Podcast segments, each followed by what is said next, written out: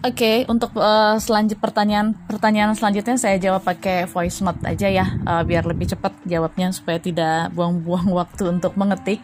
Uh, ngomong-ngomong, terima kasih teman-teman untuk pertanyaannya. Beberapa pertanyaan sudah saya jawab uh, melalui ketikan dan saya akan mulai menjawab. Ini ada pertanyaan dari Sari Purbaningrum ya tentang bagaimana cara menemukan passion kita yang sebenarnya uh, ini maksudnya mungkin di sini passion modifikasi adalah uh, pengaruh lingkungan kali ya yang belum tentu itu menjadi uh, diri kita. Jadi gini, ini juga untuk uh, teman-teman semua ya yang perlu uh, teman-teman garis bawahi ketika kita bicara tentang passion ini adalah murni tentang hidup kita, oke? Okay?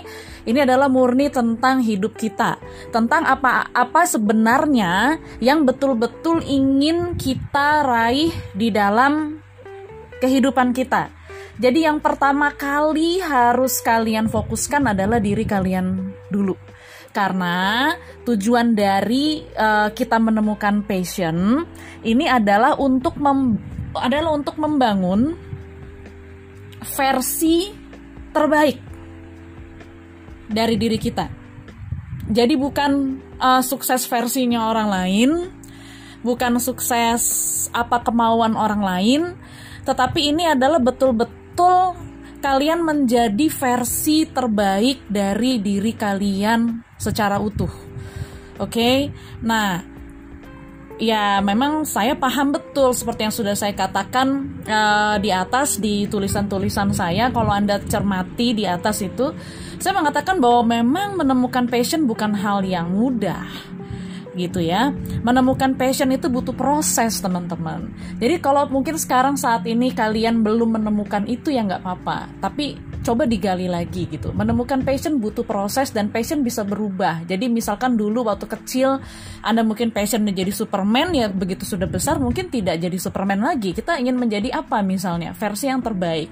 Pokoknya intinya cari hal yang betul-betul Anda sukai ini passion tuh berbeda dengan hobi ya. Nah, orang tuh sering salah kaprah gitu. Mereka pikir bahwa uh, passion itu mereka pikir hanya terkait dengan hobi. Passion bukannya sekedar hobi, tapi passion itu adalah sesuatu hal yang menjadi sebuah kekuatan untuk diri kita yang mendukung sukses kita yang kita lakukan dengan hati dan emosi kita ada di dalam situ. Emosi positif kita, energi besar kita, semangat kita, antusiasme kita itu ada di dalam apa yang kita lakukan. Ya contohnya misalkan saya menjadi seorang life coach, ini passion saya. Saya ke sana kemari ketemu orang, itu passion saya. Uh, saya bisa bekerja, bahkan saya juga seorang penulis buku, saya juga penulis artikel. Kalau saya sudah menulis, itu saya bisa menghabiskan waktu berjam-jam sampai lupa ke yang lain gitu. Sampai nggak pernah merasa capek. Bahkan bisa tidurnya pagi pun nggak ada masalah. Kita betul-betul mencintai yang kita lakukan. Nah anda uh, udah ketemu belum hal seperti ini? Kalau seandainya belum ketemu coba cari. Dan memang passion bisa jadi uh, dipengaruhi lingkungan. Misalnya kamu nggak suka sepeda, tapi gara-gara sering kumpul sama komunitas sepeda, akhirnya jadi suka sepeda.